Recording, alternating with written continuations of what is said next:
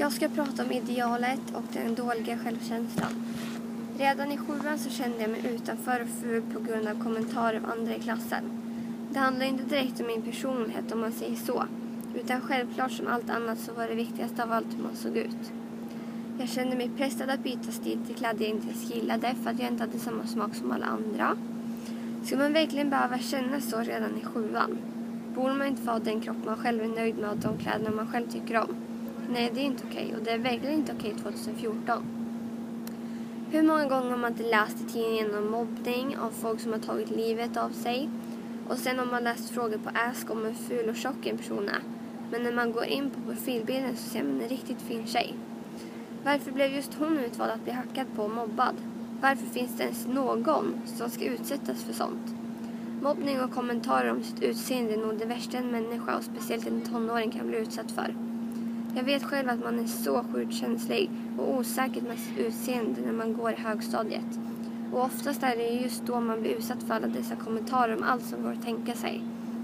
Alltid finns det något att klaga på och aldrig kan någonting vara tillräckligt bra. Nutidens ideal verkar ju vara att man ska ha smala ben, stor fast rumpa, platt mage, stora bröst, smala armar, långt hår, stora fina ögon och bra hy. Om man inte har det här, ja då är man inte så intressant.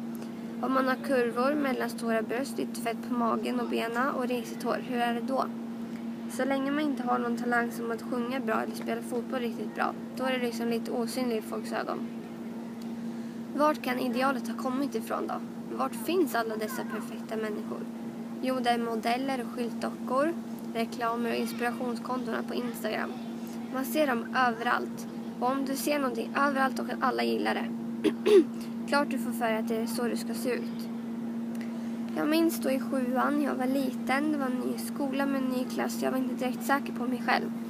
Men det har gått ett år nu och jag är en helt annan människa. Jag har blivit säkrare i mig själv och jag klär mig precis som jag själv vill.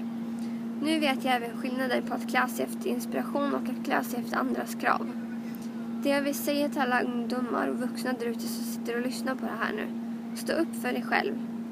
Låt inte idealförhoppningar och krav bestämma över dig. Om du vill färga ditt hår rosa, gör det.